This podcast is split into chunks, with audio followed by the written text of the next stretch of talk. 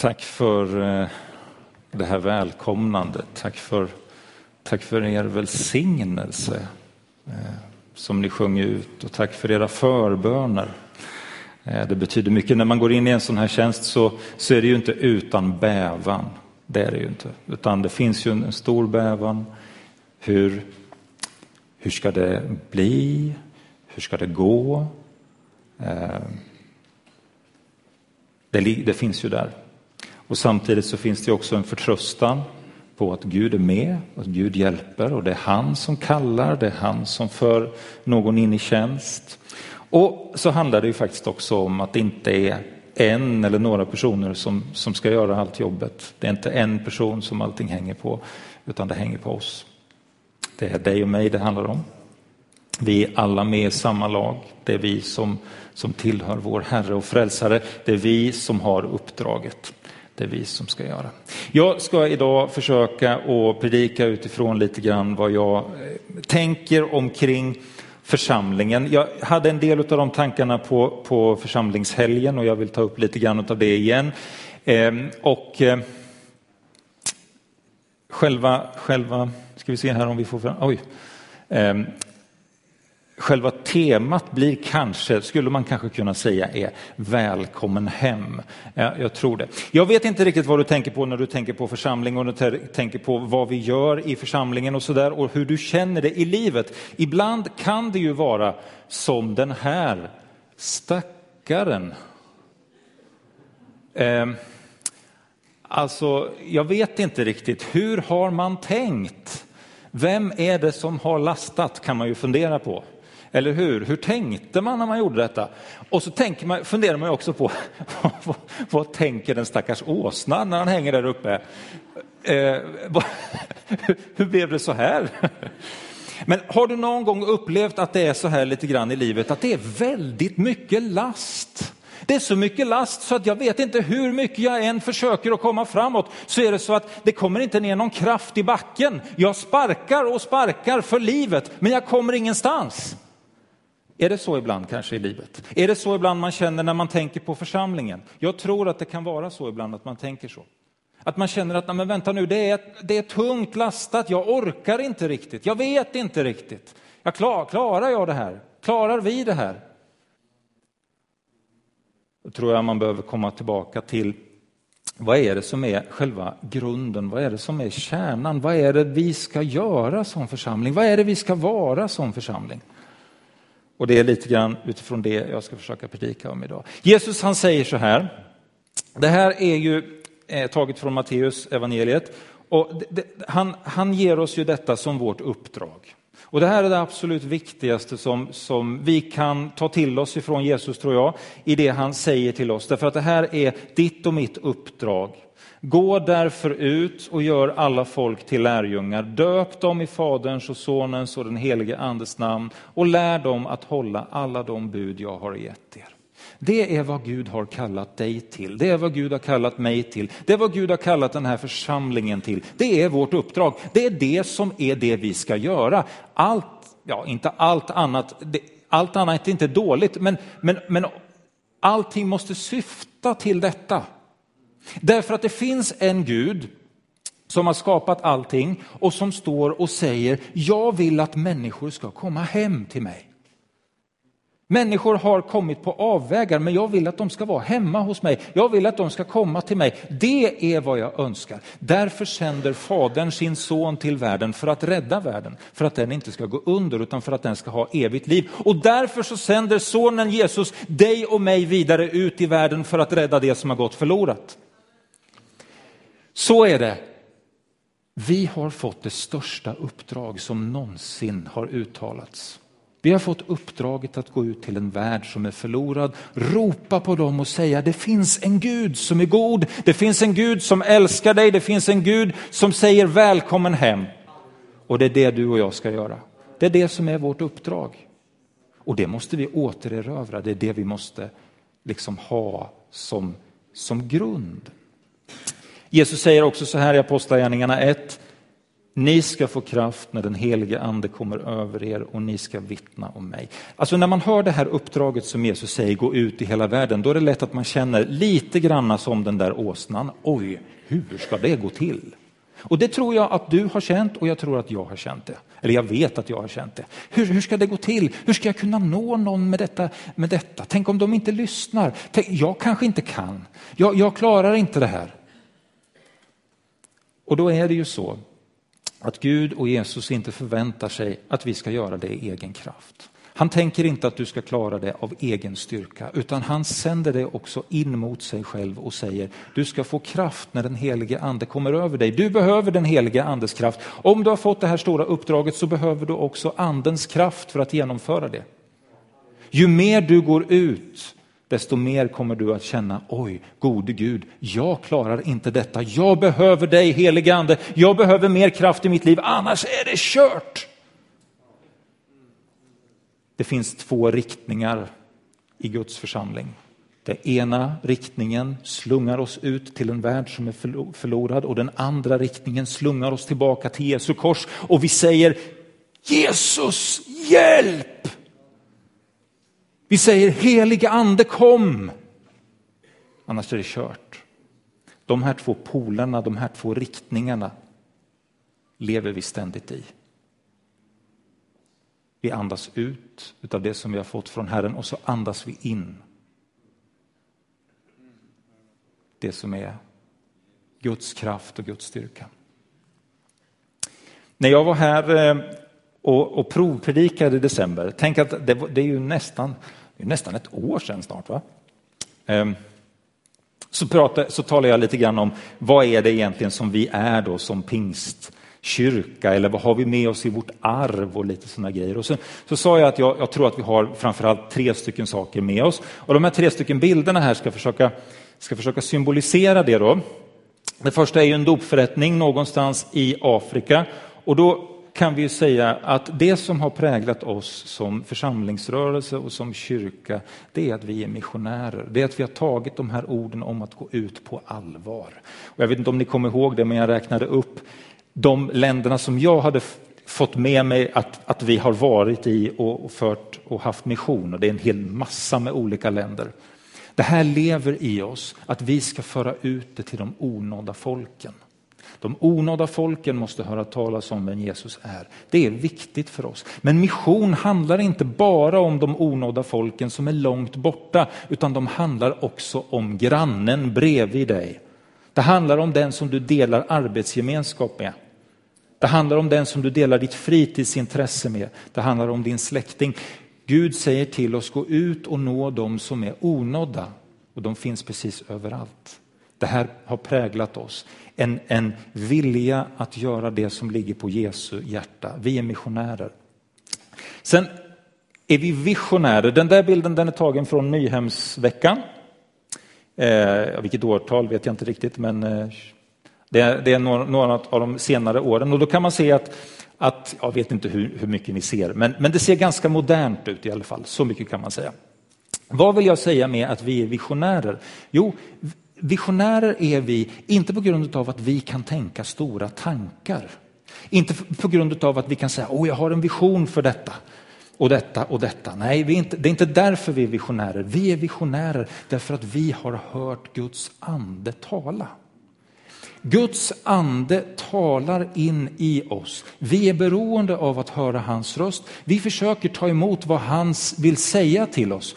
Och så vill vi försöka gå på det. Vi vill tro Gud om stora saker. Vi vill tro att Gud talar rakt in i din situation och i min situation. I det sammanhang där vi är just nu, 2018, så vill vi tro att Gud talar. Den helige ande vill föda någonting i oss. Han vill ge oss utav sina utav sina nådegåvor. Han vill, han vill föda oss med de sakerna. Vi är visionärer. Inte för att vi själva kan tänka ut det, inte för att vi själva är bra ledare och att vi liksom kan bana väg, utan för att Gud talar. Den helige ande ger oss ord. Därför är vi visionärer och därför så tänker vi stora tankar och därför så stannar vi liksom inte upp vi får en vision för hur ska man nå den värld som vi lever i just nu. Och så är vi, det där sista, det är också från Nyhemsveckan, men det är några år tidigare. Eh, men, men du vet att det är ingen, det är ingen, det finns ingen skillnad på det här, mer än att det yttre uttrycket är skillnad. Men kärnan är densamma. Du vet, det spelar ingen roll hur det ser ut. Vi är pionjärer också. Vi är missionärer, vi, vi är visionärer och vi är pionjärer. Pionjärer därför att vi har allt alltid försökt att hitta nya vägar att nå ut med evangeliet. Vi har alltid försökt att hitta, hur ska vi göra nu? I början av 1900-talet, då var vi pionjärer inom, vad ska man säga, inom Ja, jag skulle nog vilja säga att vi var det inom teologins värld. Alltså då var det en tid då, då, då teologin var väldigt präglad av någonting som kallas för cessationism. Och cessationismen den innebär att man, man sa så här att den heliga andes tid är över. Den heliga andes tid det var någonting som hände på det nya testamentets tid, men det har slutat. Därför så existerar inte de andliga nådegåvorna. Därför så ska man inte tala om det. Gud verkar på ett annat sätt. Gud behöver inte de sakerna längre. Så sa man. Och då kom pingströrelsen och upptäckte andedopet. Och upptäckte att den helige ande faktiskt verkar idag. Faktiskt vill utrusta sitt folk. Där var vi pionjärer att bryta ny mark. Idag när man läser teologi så eh, finns det förvisso de som, som eh, fortfarande vill tona ner detta. Men vinden har vänt. Det finns mycket karismatik i många olika kyrkor och det finns en helt annan öppenhet för det. Vi var pionjärer inom det området. Vi var pionjärer när det handlade om att det här med tältmöten, hur ska man liksom nå människor? Ja, då tänkte vi, vi, vi ordnar tältmöten och så drog det massa folk. Vi var pionjärer inom musiken, det blev ny levande musik inom, inom kyrkorna. Eh, ja, vad var det mer? Ja, vi startade eh, vård för, för missbrukare inom LP-stiftelsen. Vi drog igång Ibra radio och så tv-kanaler och grejer. Alltså vi har hela tiden försökt vara pionjärer, bryta ny mark. Och oavsett ifall det såg ut som det gjorde då på, jag vet inte när den där bilden kan vara tagen, men det är ju ett tag sedan. Eh, 50-talet kanske, vi säger att det var på 50-talet. oavsett ifall vi befinner oss på 50-talet och det var så det såg ut, eller om det ser ut som det är här, eller om det ser ut som det är där uppe vid Vision, så, så handlar det om att vi är pionjärer. Vi vill bryta ny mark för att nå nya människor. Jag tror att det här ligger med oss eh, som en grund. Men när jag tänker på en församling, när jag tänker på kyrkan, så är det framför allt detta som jag hoppas att vi ska kunna uppleva tillsammans. Att vi ska kunna vara ett hem. Välkommen hem. Ehm, det finns en berättelse som Jesus berättar om en man som har två söner. Den ena sonen han ger sig iväg och, och säljer allt som han har tagit ifrån fadern. Han har fått ut sitt arv och så lever han långt borta. Och sen så tar pengarna slut och sen kommer han tillbaka på stapplande steg och där står fadern med öppna armar och säger du är välkommen tillbaka som jag har längtat efter dig. Och så är det där bilden på Gud fader själv. Det är Gud som står och välkomnar en mänsklighet som har förirrat sig bort. Det är vad kyrka och församling är för mig. En gemenskap som ser människor och som säger välkommen hem. Du ska veta att du är efterlängtad. Du ska veta att du behövs. Du ska veta att det finns någon som älskar dig. Här får du vara hemma. Välkommen hem. Jag har tre stycken punkter under detta. Den första punkten handlar om ägarskap. Jag vet inte hur det är med dig när du har gäster hemma. Eh, hur du ordnar då. Jag anar att det är så att du ordnar till det lite finare än vanligt. Jag anar att det är så att du lagar mat, du, du dukar bordet, du fixar lite grann och sen när det ringer på dörrklockan så går du fram och du öppnar och du säger välkommen hem till mig. Eh, vad roligt att du är här. Och så liksom fixar du och trixar du lite grann för att det ska bli en bra kväll. Du vet hur du ska göra för att dina gäster ska tycka att det känns bra när de är hemma hos dig. Men vet du, samma sak gäller för dig när du är i din församling. Du som går här, du som, du, du som tänker att det här är min församling. Du och jag, vi har ett ägarskap. Vem är det som ska hälsa välkommen de människorna som inte har varit här förut? Ja, det är ju du. Det är ju ingen annan som ska göra det, därför att det är ju din församling. Det är ju du som är hemma här. Det är du som äger detta. Ja, först och främst är det naturligtvis Jesus som äger det, men han har ju gett dig den möjligheten. Att vara den som faktiskt är med och äger det här. Det är ditt och mitt uppdrag att när det kommer nya människor hit så gör vi vad vi kan.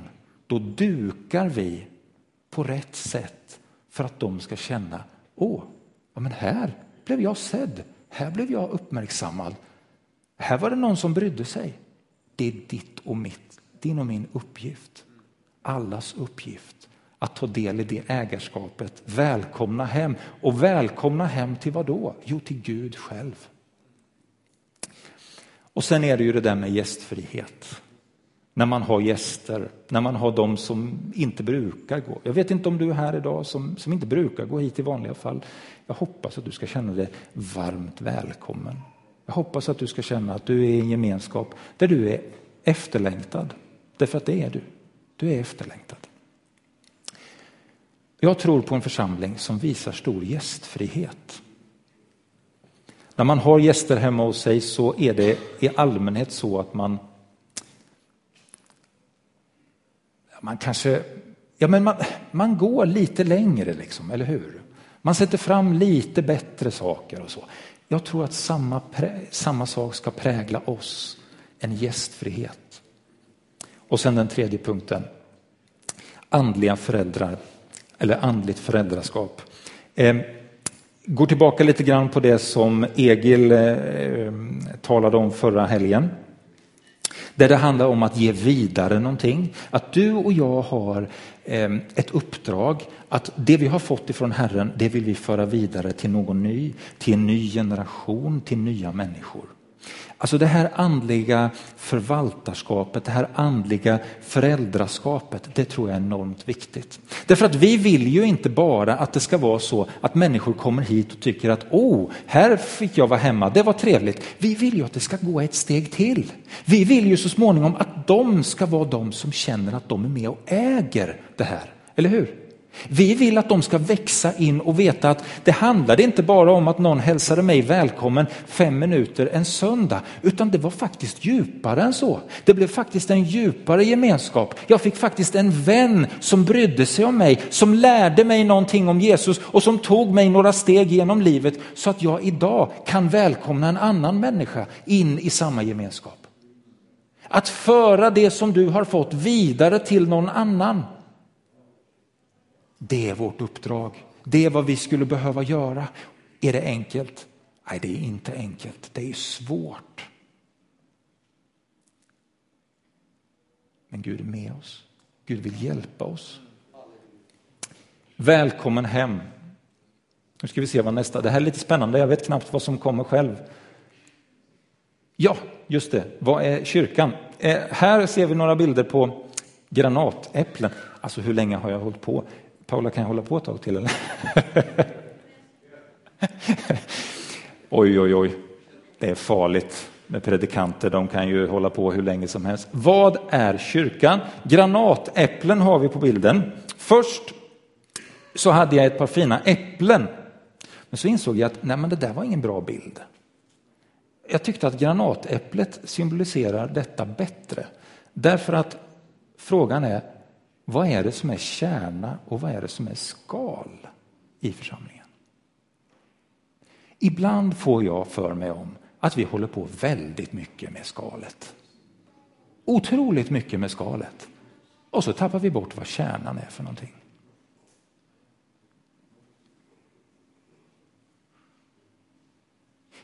Men vet, vi kallar det till att hålla på med kärnan.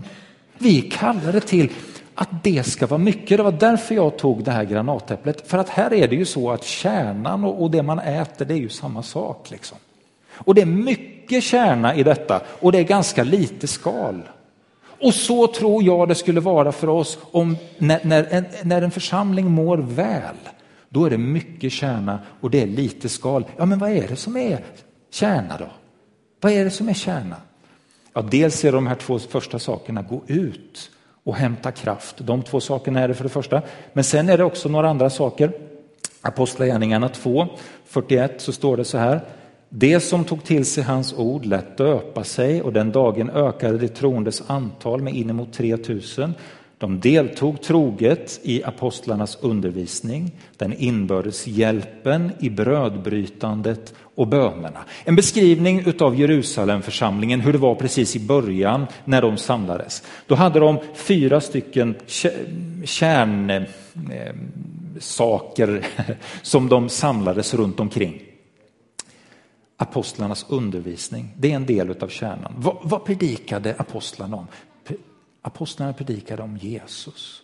De berättade om vad han hade gjort. De berättade om vad det stod om honom i skrifterna i gamla testamentet och så förklarade de vem är Jesus? Vad har han gjort för oss? Vad betyder det för oss?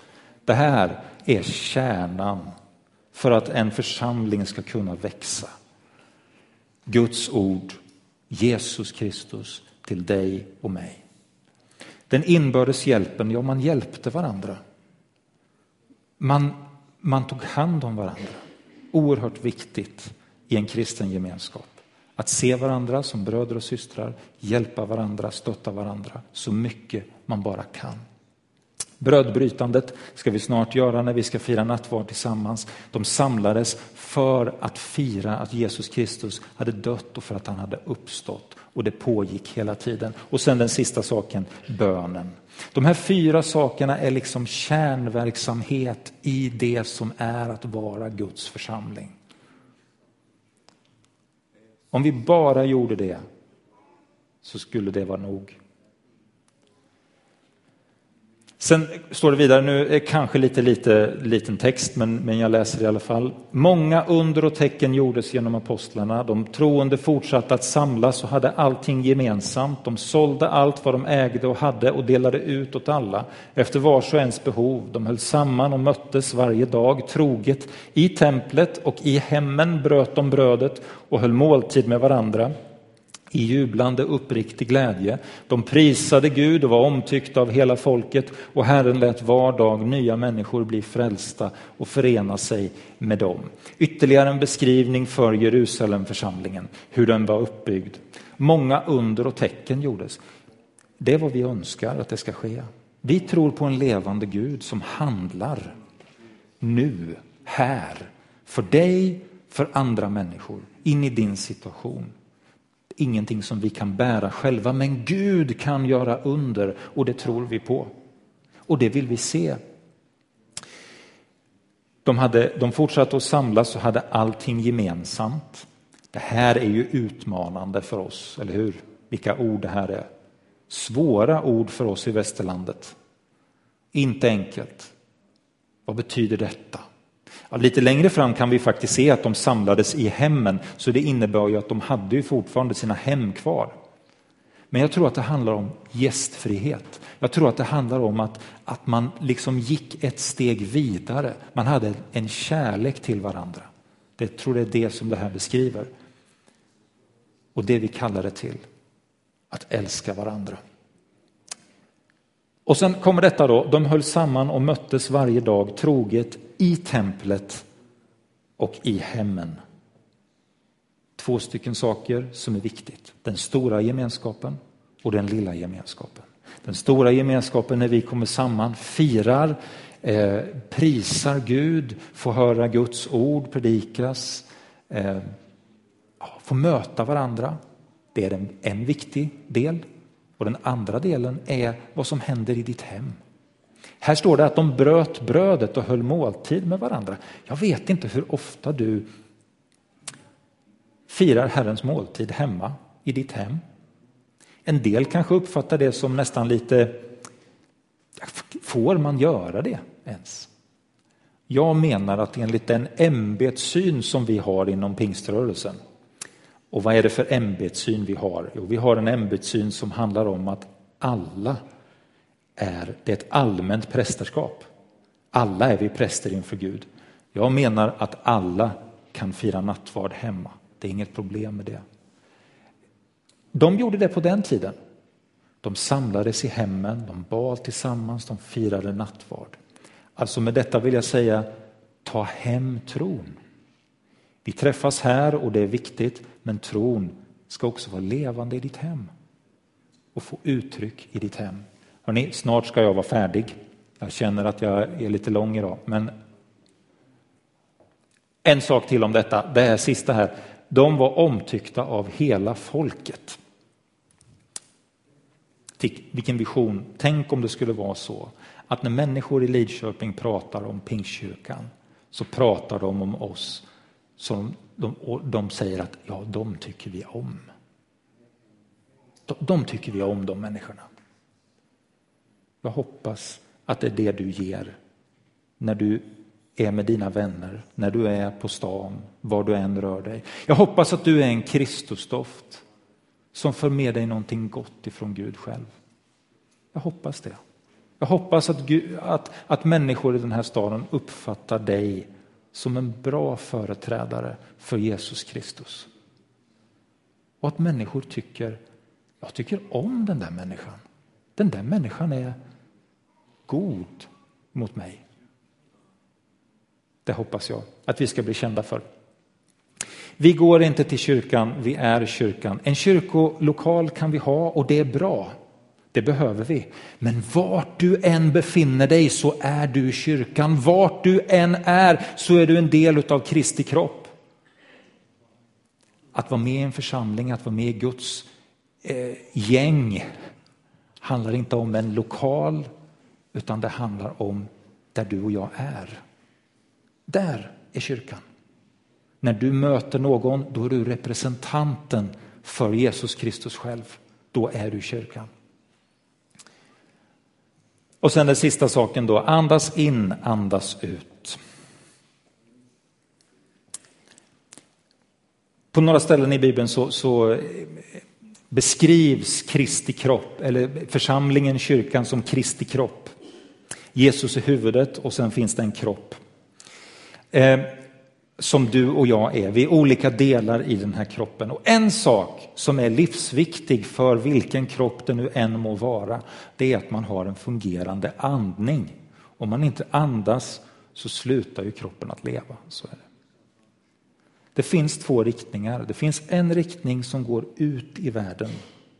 Förkunna evangeliet. Låt människor få höra talas om vem Jesus är. Och det finns en annan riktning som riktar dig och mig in mot Jesus. När vi hämtar styrka hos hans helige ande. Vi, du och jag, vi behöver ständigt leva i att andas in och andas ut. Andas in utav Jesus Kristus, andas in utav hans helige ande, få påfyllnad. Men du vet, du kan inte hålla på och andas in hur länge som helst, för till sist är det så fullt så det måste ut. Ja, om du ska leva på inandning så dör du ju till sist. Eller hur? Ja, det går inte. Och du kan inte leva på utandning hur länge som helst heller. Då tar det slut. Men om du andas ut och andas in regelbundet, om det sitter i din ryggmärg, om det är det som är ditt liv, att du andas in och andas ut hela tiden, då lever du. Då lever du. Du är kallad ut. Gud kastar dig ut i en värld som behöver Jesus Kristus. Och så kastar han dig tillbaka och säger kom till mig. Och så kommer du till honom, till hans kors och du säger gode Gud hjälp mig. Och då ger han dig välsignelse och så kastar han dig ut igen. Och så är du där ute och så ger du det du kan. Och så säger han till dig, kom till mig. Och så kommer du tillbaka. Att ständigt leva i ett utandande och ett inandande. Om du är här idag som inte vet vem Jesus är, som inte har tagit emot honom i ditt liv, så vill jag säga så här. Jesus, Gud, finns här idag och vill säga välkommen hem. Jag har väntat på dig, jag har längtat efter dig. Vad du har gjort och vad du har varit spelar ingen roll. Det enda som jag bryr mig om det är ifall du vill vara här hos mig. Du ska veta att just den här stunden, just idag, så är det en dag när du kan komma hem till Gud Fader. Och du kommer mötas av en varm famn. Han kommer krama om dig och han kommer säga du är mitt älskade barn.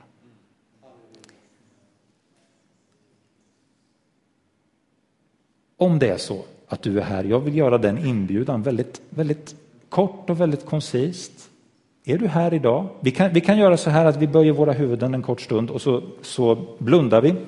Och är du här idag som känner att ja, men, ja, jag skulle vilja komma hem till Gud. Jag skulle vilja bli frälst. Jag skulle vilja få mina synder förlåtna. Så kan du räcka din hand idag så ska vi be tillsammans. Så om du känner att du vill detta så räcker du din hand. Det är ett erbjudande från Gud.